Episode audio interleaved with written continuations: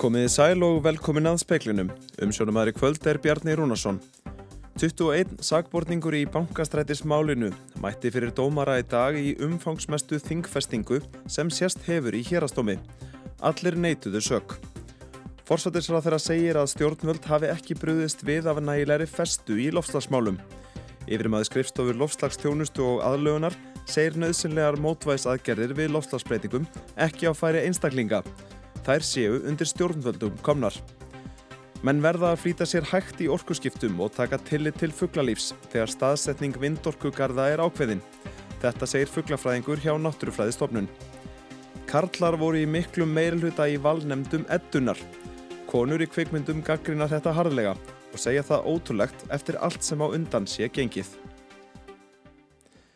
Rétt yfir 20 menn voru lettir fyrir dómara í fjórum hópum í líkams árásarmáli sem er kent við bankastræti klöpp.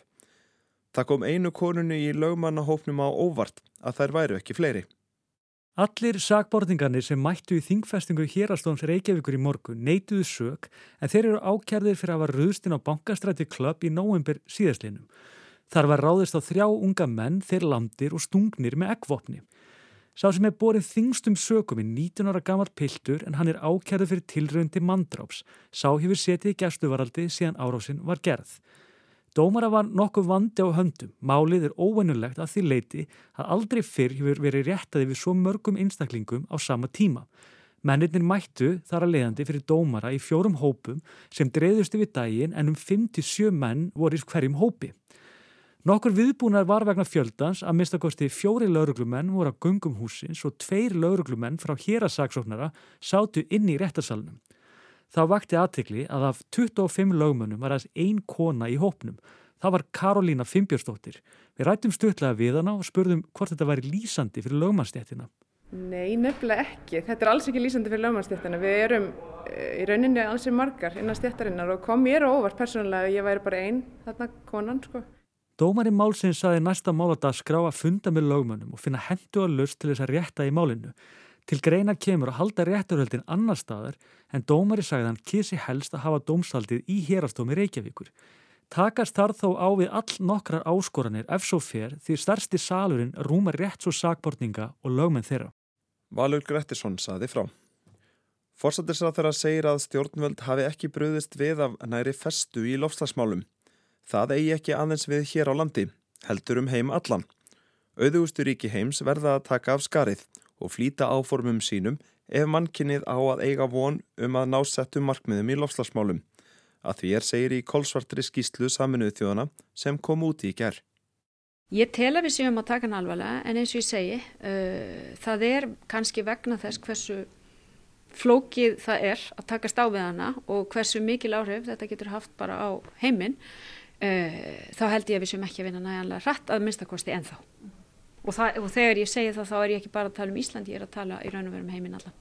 Til að við náum þeim markmiðu sem við höfum sett okkur? Já, við erum mjög uh, ötul í því að vinna áfram og við höfum þetta markvalda fjármagnir til þessar málaflokks eins og ég segi við höfum gert áallanir, við höfum uppfært áallanir og uppfært markmið þannig að það er mikið unnið í þessu en þessi skýsli bara áminningum það það þarf að gera enn betur. Saði Katrín Jakobsdóttir, Alma Ómarsdóttir talaði við hana. Þótt orkuskipti séu áriðandi er nægur tímið til að vanda sig við uppsetningu vindorkuvera. Þetta segir fugglafræðingur hjá Náttúrufræðistofnun Íslands. Málþing fugglavendar um vindorkumál hóst síteðis. Vindorkuver eru áformuð víðast hvar á landinu en áallanir eru komnar mislant á veg eins og gengur. En hvar kemur það vest við fuggla að vindorkuver séu reist? Kristinn Haugur Skarpínsson er fugglafræðingur hjá Náttúrufræðistofnun Íslands. Já, það er nú kannski fyrst og fremst það sem er í mikið og þétt fugglavarp eða það sem að mikið fugglum kemur saman og það eru þá bæði varplönd og líka farleiðir þannig að þetta eru svæði eins og Suðurlandi og, og svo heiðalöndum Vestalans þannig að það eru nokkri staði þar sem, að, það sem eru fyrir sjánulega einhverju álegstrar og, og hérna meðalans er, er búið að setja upp uh, á áformum vindorku er á einum 5 eða 6 svæðin sem teljast vera alþjóðlega mikilvæg fyrir fugglalíf hér á landi. Kristinn Haugur er á meðal þeirra sem halda erindi á málþingi fugglavendar í Háskóla Íslands í dag sem ber yfirskriftina í upphafi skal endin skoða. Kristinn Haugur segir að þrátt fyrir að orku skipti séu áriðandi verði menn að flýta sér hægt. Þessi svæði mörg sem á að fara með vindmjölu inn á en sem komið að það vantar ákveðna grunnrannsóknir og það er nöðsett að gefa sér tím í þær því við höfum, höfum sjálf sér tíma þá orku skiptin sér yfirvofandi að þá eru þessar lausnir sem að, sem að hérna að knýja til dæmis eldsneiti fyrir flugvílar og skip þær eru ekki alveg að næsta götu hodni þannig að við eigum að gefa okkur tíma til að gera þetta almeinlega og læra af öðrum þjóðum. Þið sem eru uh, svona fugglavinnir, uh, teljið að það sé alveg hægt að reysa vindorkuver svona uh, en samt þannig að við vendum fugglalíf eða eru þið vel flest kannski alfarað á móti öllum vindorkuverum eða eitthvað? Ég býst að skoðan þessi nú bara misjafnar. Ég held að það sé vel hægt að reysa vindorkuver sem er ekki skadalega fyrir fuggla en, en þá koma sjónræn áhrif líka til sögu þannig að það eru þessi þetta jafnvægi sem er á milli svona eindregina hagsmuna manna eða dýra það, það verður einhvern veginn að jafna það út en það er auðvitað, Ísland er stórt land og það væri alveg hægt að gera að vindmjölur á þess að stórkostlegu skæðir að. Saði Kristinn Haugur Skarpíðinsson, Otur Þorðarsson talaði við hann. Yfir 500 farþegar sem komi með ferjunni Norrænu til Seyðisfjörðar eru fastir í bænum þar sem fjörðarhiði til eigilstaða er ófær. Fólkið er á fimm stórum rútum og um 8-10 engabílum sem komi með ferjunni í morgun. Sangat upplýsingum fréttastofu ætlaði hluti hópsins að skoða sig um á Austurlandi í dag og á morgun og fara aftur með ferjunni annað kvöld. Vegagerðin ætlaði að reyna fyldarakstur yfir fjardarheiði sítegis en veðrið er það vond að ekki varða því. Fólki verður því að halda kyrru fyrir á seyðisfyrði í nótt og það er ófært víðar á landinu Á vestfjörðum eru Dinjandis heiði og Stengrinsfjörðar heiði ófærar og leiðin norður strandir. Sumur leiðis. Mývas og Möðrudalsörafi eru lokuð sem og Vopnafjörðar heiði. Leiðin um Hóvaskarð til Þórsafnara er ófær og einnig Vaskarð eistra. Á Suðurlandi er lokað millir Lómagnúps og Jökulsárlóns og millir Skóga og Víkur í Mýrdal. Félag Kvenna í kvikmyndum lýsir yfir vonbyrðum með kynja hlutfall í valnemdum ettunar þar sem karlar voru í meirhluta. Formaður segir það ótrúlegt eftir allt sem á undan sé gengið að ekki hafi verið hort til jafnbrettis sjónarmiða og segir þetta rýra trúverðurleika tilnefninga til ettunar. Félagi sendi frá sér yfirlýsingu seint í gerðkvöld eftir að valnemdir ettunar voru gerðar ofinbyrar. Í þeim eru 38 manns, 25 karlmenn og 13 konur. Veist, þetta er ekki eitthvað sem ég myndi segja að veri, uh, veri uh, sko sína breyðan hóp samfélagsins sem er þarna á bakvið uh, og sérlega náttúrulega í valundu velunana þá eru bara fjóra konar og 13 karlar. Segir Marja Lea Ævarstóttir formaður vift. Þá sé ósættanlegt að í valnemdum fyrir hljóð og tónlist, klippingu, kvikmyndatöku, handrit og leikstjórn seti engin kona. Okkur bregður að sjá þetta og líka bara það að það sé þarna þrjár fagnemndir sem eru bara skipaðir kallmennu. Mér finnst þetta bara förðulegt. Ég ljósi þess sem að er búið að vera í gangiðinni bara síðstliðin ár. Það berist þér jafnrétti í kveikmyndabransanum og, og þetta bara, þú veist, bara, mér finnst þetta bara rýra trúfyrirleika tilöfningana. Veist, ég er bara verða að segja það. Hún telur að það hafi reynlega glemst að líta til jafnrétti sjónameða. Stjórn Íslensku kvikmynda og sjónvasakademíunar vildi ekki tjá sig við fréttastofu þegar eftir því var leitað og sagði að stjórnin er því að koma saman og taka sameinlega afstöðu til málsins. Sunnakaran Sigurþórsdóttir tók saman og talaði við Maríu Legu Ævarsdóttur. Ungmennaráð Múlaþings og fjárðarbyðar skora á skólarhesti og styrtaraðala keppninar að halda undan keppni á Östurlandi eins og áður. Að óbreyttu þurfa 12 grunnskólar á Östurlandi að senda keppendur til akurirar og viðbúið að fáir stuðningsmenn fylgi. Undanfærin ár hafa um 70 grunnskólar sendilið í skólarheisti þar sem keft er í ýmsum greinum. Undan keppni var áðurhaldin í Íþróttahúsinu á Eilstöðum. Skólar á Östurlandi sendu stuðningsmenn í rútum og myndaðist mikil stemning. Í fyrra og einnig í ár á hins vegar ekki að keppa á Östurlandi, heldur þurfa liðin að ferðast til Akurirar. Ungmennaráð bæði í fjardabigð og múlaþingi skrifuðu bref til keppnishaldara og styrtaraðila og segja að 12 grunnskólar á Östurlandi fái ekki sömu tækifæri og aðrir of dýrt sé að senda keppendur og einnig stuðningslið frá Östurlandi og þannig fái keppendur ekki sömu kvartningu og önnur lið. Rebecca Lisbeth Sjaram, formaður ungmennaráðs Múlaþings, segir stuðningin stóran hluta af þáttöku í skólarheisti. Bæði bara öll kvartningin og stöðningurinn sem kemur frá því að hlusta á fólki sitt hvetja sig áfram á meðan maður er í svona stóri keppni af því að þetta snýst ekki bara um að vinna og landa í fyrsta sæti að því að þetta snýst líka bara um félagskapin. Í brefi ungmennaráðana er vittnað í leiðarljós skólarheisti sem er að hvetja börn og unglinga um allt land til að taka þátt í allhliða íþrótta upplifun. Því sé mikilvægt að gefa nefendum um allt land sömu tækifæri til að taka þátt af fullum krafti. Rebecca segir að skólar á Vesturlandi séu í svipaðri stöðu og hún skorar á skólarheisti að leita eftir stuðningi hjá stórum fyrirtækjum út hjá landi svo halda megi keppnina víðar. En við vonumst til líka ef skólarheisti vill halda áfram að hafa þetta svona að þau geti þá styrt skólana til þess að senda stuðningsfólk með. Saði Rebecca Lísbeth Sjaram. Rúnarsna Reynsson talaði við hana.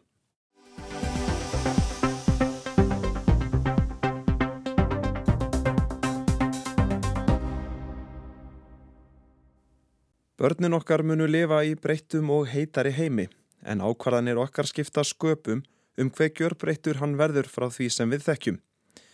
Heimsbyðin hefur tvö ár til að snúa hlínun jarðar við áður en hún verður óstöðvandi og stjórnlaus. Milliríka nefnd saminuð þjóðana byrtir nákvæmar leiðbynningar um hvernig hægt er að gera það í nýjustu skýslusinni sem kom úti í gerð. Gríðar miklar kerfisbreytingar þarf til og þær eru ekki á færi einstaklinga. Nýjasta skýrsla IPCC e milliríkja nefndar saminuðu þjóðana er gefin út í kjölfar samþyktar þings sem haldið var í Svissi í síðustu viku. Þar var farið yfir ríni stjórnvalda og sérfræðinga og öll aðildaríki saminuðu þjóðana hafa samþykt niðurstöðunar. Anna Hulda Ólafstóttir, yfir maður skrifstofu lofslagstjónustu og aðlöðunar, segir að það blasi við að við séum ekki á réttri leið meða við það að IPCC, það millir ekki nefnd saminu þjóna, undistrykkaði 2018 þessa áskorun sem við stöndum frammi fyrir, hvað við þurfum að gera til þess að vera undir 1,5 gráðum. En nú erum við stödd hérna 5 árum síðar og áskorunin er orðin stærri þar sem losun hefur aðeins aukist síðan þá. Í skýrslunni kemur fram að aðtapnir mannsins, engum bruni jarðefna eldsneitis, hafi leitt okkur á þennan stað. Til hlínunar um 1,1 gráðu frá innbyltingu. Anna Huldar segir allar líkur sé á því að innan áratugar verði farið fram úr markmiði Parísar samkomiðlagsins um 1,5 gráðu hlínun og núverandi hraði á þessum breytingum sem eiga sér stað döga ekki til. Það er bara mikilvægt að höfum í huga hvers brotur gráðu í hita aukningu leiðir af sér aukna náttúrufá. Skýrslan undirstrykki það sem við nú þegar vitum. Algjöra nöðsinn þess að stíga miklu fastar til jarðar en við gerum. Nú þegar hafi lofslagsbreytingar haft alvarlegar afleggingar fyrir náttúru og íbúa um allan heim, þó staðan geti hratt versnað til muna. Breytinganar muni leiða til hnegnunar heilsu, vassbúskapar og þeirrar náttúru sem mannkinnið byggir lífsviðurværi sitt á. Það er alveg ótrúlega mikið sem við getum í rauninni talið fram að geti gerst og skýslan fer í rauninni yfir e, marga þessara þáttar. Það er til dæmis að við sem að horfa fram á vaskort, nú er ég að tala um í nattrannu samhengi eins og skýslan horfur vissulega til skadlega áhrif á landbúnað og afrakstur ræktarlands, e, velferð og framleginni dýra og búfinar, afrastur fiskviða, þetta er svo ótrúlega mikið, þetta getur haft áhrif á hilsu og velíðan, smitsjúkdómar aukast, vannaring eh, hefur áhrif á fólksflutninga og jafnvel geðhilsu, það hefur mikil áhrif á borgir og byggðir í tengslu við eins og ímissan átturvá, getur verið flóð í ám og, og tengt tjón sem kemur þar að leiðandi en einnig sjávarflóð, sjáum fram á hækkandi sjáarstöð og þar að leiðandi einnig uh, aukna líkur á sjávarflóðum uh, og þar að leiðandi tjóna innviðum. Um, þar er tjóna á ímsum svona, getur séð fyrir okkur ímsum líkil efnahagsgeirum líka. Vitað er að hlínun er hraðari á norðurkveli jarðar en annar staðar í heiminum og mikill að áhrifa mun gæta hér jæmt og annar staðar. Tíðar úrkomi ákefð, við erum að sjá hópun jökla eins og við sjáum náttúrulega bersinlega hérna í Íslandi og, og þar að leiðandi mingun á fræðkólun okkar sem er ofbáslega mikilvægt fyrir varsringrásina okkar nattræna sjáastöðahækkun en ekki bara það ef við horfum að sjóun heldur líka það eru hýtabilgjur sem er þessi stað í hafinu og, og súrnun sjávar. Þannig að það er alveg ótrúlega mikið og þetta er bara brotaðið sem áhrifum. Þannig að þetta hérna, er oft þannig að áhrifafætnir hafa sín áhrif á eitthvað annað. Þannig að þetta er allt svo, allt svo tengt kerfi sem við lifum í. Já, með tilhengandi áhrifum á fólk og, og líf þeirra. Og ég, er reynda langar að skjóta þeirra aða því að við settum eina mynd á vefin okkar sem við þýttum í gær sem ég fannst svo ótrúlega skemmtileg. Það eru margar rosalega fínar og, flottar myndir hana. Við tókum eina þar sem að hérna IPCC fer svolítið þessa leið sem að hann andri snær fer með tíman og vatnið um, sem að börnin okkar eru sett í samhengi við þessa breytingar sem stöndum fram með fyrir að því að heimurinn mun líta allt öðruvísu út fyrir næstu kynnslöðir og það er rauninni hort á punktstöðuna og þrjár mismandi kynnslöður, uh, annars vegar fættar núna, uh, fættar 1980 eða 1950 og svo hvernig í rauninni framtíðin blasir við þessu fólki þegar það er orðið 70 ára og það er svona, setur hlutina kannski í samhengi, svona mannlegt samhengi, þetta er náttúrulega mikið til vísindamenn sem er að vinna þessar skýslir. Og fyrir börnin okkar, segir Anna Hulda, næstu tvö ár vera krítísk. Antonio Guterres, aðal framkvæmdastjóri saminuðu þjóðana, hafi orðaða vel. Skýrslan væri leiðarvísir stjórnvalda því hvernig aftengja mætti tímasprengjuna sem lofslagsneiðin er. Anna Hulda segir miklu máli skipta að fólk viti að enn sé tími til að bregðast við, þó hann sé mjög knappur. Þó svo við séum ekki á réttri leið núna, þá er bara óbáslega mikilvægt að við grípin tækifæri sem við höfum. Grípin til þeirra aðgera sem er e, þörf á og þeir eru búin að kortleggja ansi vel þá tækni sem við höfum núna og þar aðgera sem við getum gripið til núna hversu mikil samlega þarna er á milli sem við þurfum að grípa bæði til aðlunar aðgerar og losunar, losunar aðgera og við erum búin að leggja það svolítið borlegjandi fyrir okkur hvaða er sem við þurfum að gera. Þannig að þeir eru, vísindamenn eru þarna að mata stjórnvöld af Algjörlega. því hvað þarf að gera mm -hmm. og þannig er hægt að e, gera nóg, eða hvað? Já, og þeir meiri segja, hérna, eru með líka greiningu á því e, þar sem þeir skoðu 500, svona, kallaða bottom up studies, þar sem þeir skoða frá, hérna, botni og upp greiningar um, á öllum, öllum svæðum heimsins svona möguleikan á hérna, þessar eftirspurnar hlið í rauninni og hvernig við getum að því við erum að sjá fram á aukna eh, raforku eftirspurn og hvernig við getum í rauninni sportna við því með svona losunar aðgerðum líka fram til 2050 þannig að þeir eru bara með leiðavísi í rauninni hvað er sem við þurfum að gera. Nú þarf bara almennilega pólitískan vilja á heimsmæli hverða til þess að við reynilega bara gerum það sem að fram kemur og er búið að leggja framfyrir okkur að við þurfum að gera. Hversu stór skref er þetta? Það er alveg ljóst að þetta eru ofbúslega stór skref og það er ekki, þessi skref er ekki á færi einstaklinga. Það er ekki nóg að ég ákveði að hjóla allt sem ég fer og, og vera vegan og, og haga mér eins og ég held eins, eftir minni bestu getu varðandi lofslagsmál. Við þurfum gríðarstóra kerfisbreytingar og við eigum í rauninni að hætta að hugsa þannig að við séum bara lítil eigi á skiptingum máli hvað við gerum. Við verðum að hætta að hugsa svona. Við erum partur af heild þessari jörð sem við búum á.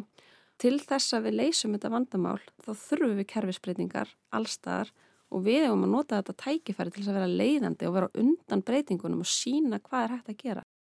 Saði Anna Hulda Ólafstóttir yfir maður skrifstofur lofslagstjónustu og aðlugunar. Hafdís Helga Helgadóttir talaði við hana.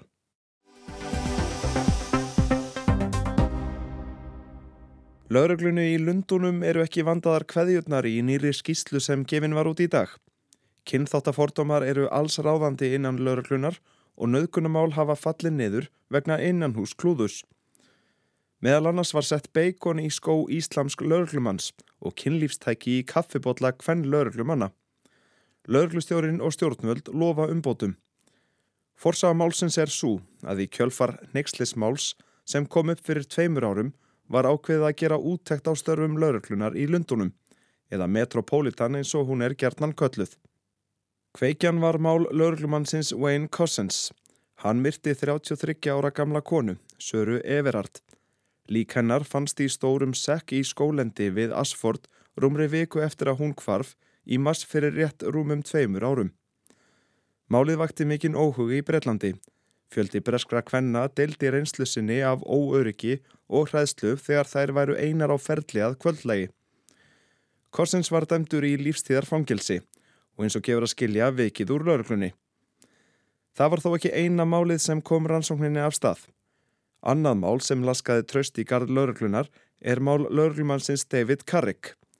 Hann játað á sig tugi kynferðisofbeldis brota.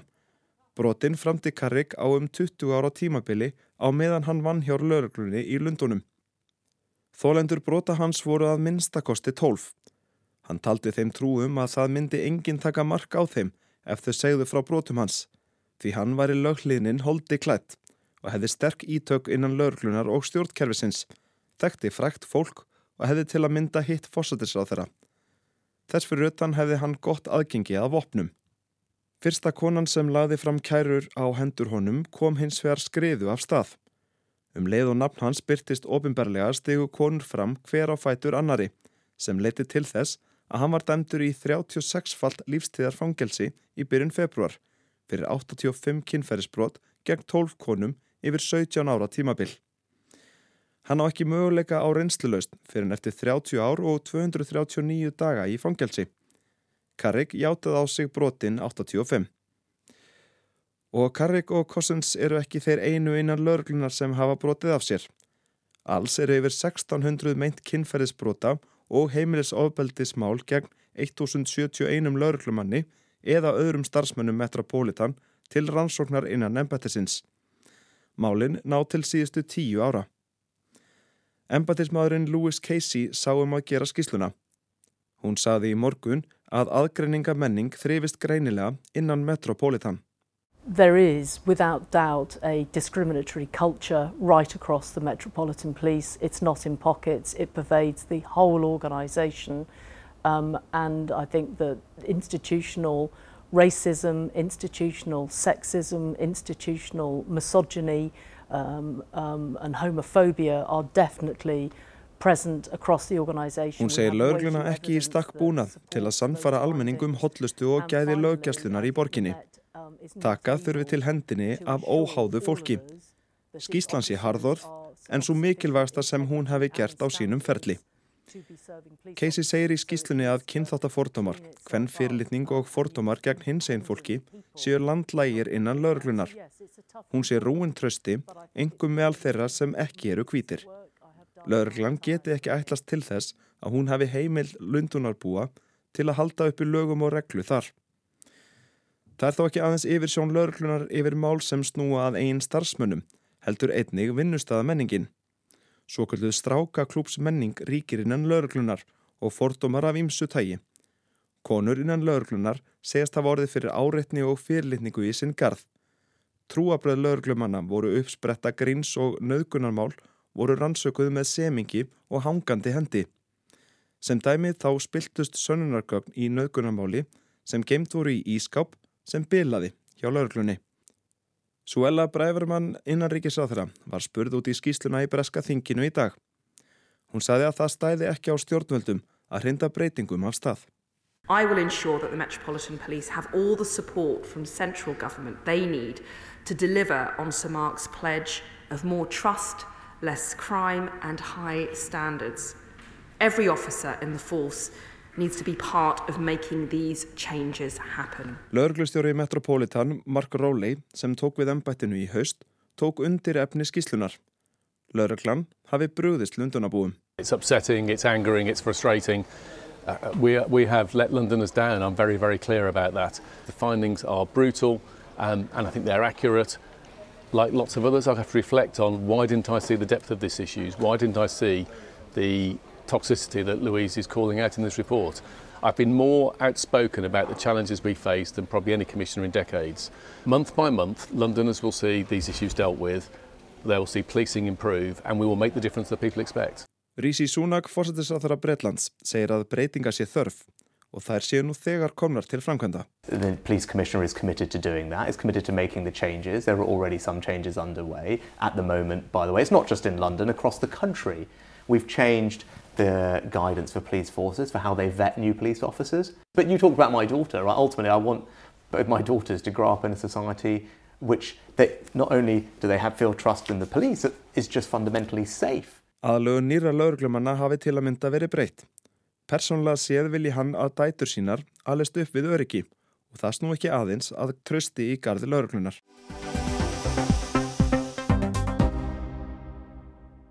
Það er góðari til sjáarins og fiskverð hátt á Íslandi sem og í Noregi, en norskir útvegsmenn eru venju fremur svartsýnir á framtíðina.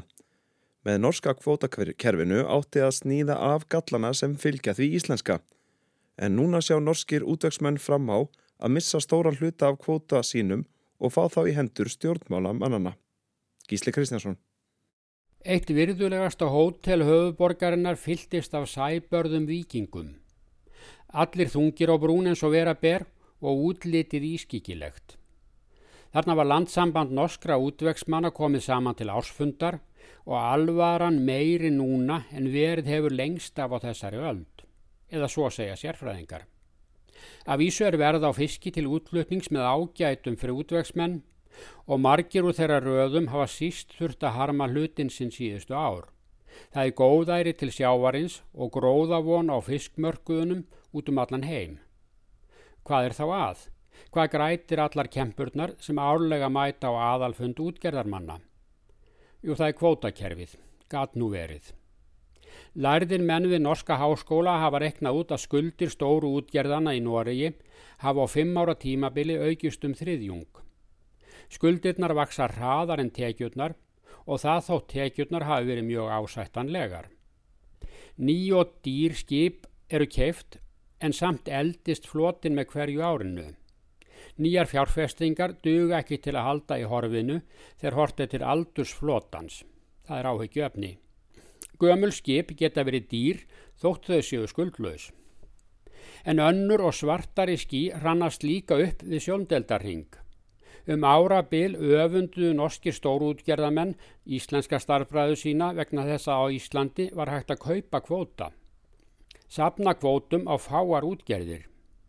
Norski ráðamenn vildu ekki fara þessa sömu leið og afleiðingunum fyrir hinn að dreifðu byggðir og nýliðun í flótanum var líst sem skelvingu. Íslenska kvótakerfið var hrollvekja í Norgi. En samt það var ákveð að fara að vissa millileið í saminningu kvóta útgerðir og náð þannig fram hagkvæmninni sem átt að vera blessun íslenska kerfiðsins. Það voru heimiluð kaup á tímabundnum nýtingarétti. Þannig var hægt að sapna kvótum tímabundið á skip. Áður var reglan svo að einn kvóti fylgdi hverju skipi, það var ofta of líti til að gera skipið út allt árið. Nú var hægt að tryggja sér fleiri kvóta og halda skipunum lengur úti. Sem seldu kvótana grættu vel og kaupandirnir tóku lán til að fá að veiða meira. En þetta voru tímabundnir kvótar og þeir ímist til 20 eða 25 ára. Breytingin var lögleit árið 2004 og á næsta ári renna fyrstu kvótarnir út. Hvað þá? En lánin sem tekið voru til að kaupa kvótana og kaupa ný og stærri skip hverfa ekki. Því afklæðast útvegsmenn úr sjóstökkum sínum og setjast inn á fín hótel í höfuborginni og eru þungir á brún. Hvernig á að fara með þá kvóta sem nú renna út á tíma? og það gerist í stórum stíl á næstu árum. Útvegsmenn vilja endur útlutun á sömu útgerðir og áður. Allar áætlanir útgerðamanna miða við að umgerð veiða verði svo sama næstu ár og verið hefur. Lánin eru dýr og vextir fara hækkandi. Aðrir benda á að nýliðun í flótanum og á bryggjónum skipti mestu. Það verður einst erfitt fyrir unga menn að komast inn í hinn fína klúp útgerðamanna, núna allra síðustu ár. Stjætt útvegsbanda eldist hraðar en skipaflótin. Markmiðið með þessum tímabönduna nýtingarétti var einmitt að tryggja nýliðun í greininni þannig að ungt fólk fengi tækifæri til að íta úr vör. En nú er þá að valdi norskra stjórnmálamanna að ákveða hvað gert verður. Útgerðamenn eru hrættir við að viðskipta sjónamið verði ekki látin ráða og kvótunum verður dreift eftir pólitískum vilja. Því er útveksmenn nú venju fremur tungbúnir og það næða kulda jél yfir skuldsetta borstokkana á norska flótanum. Og þá skulum við gá til veðus.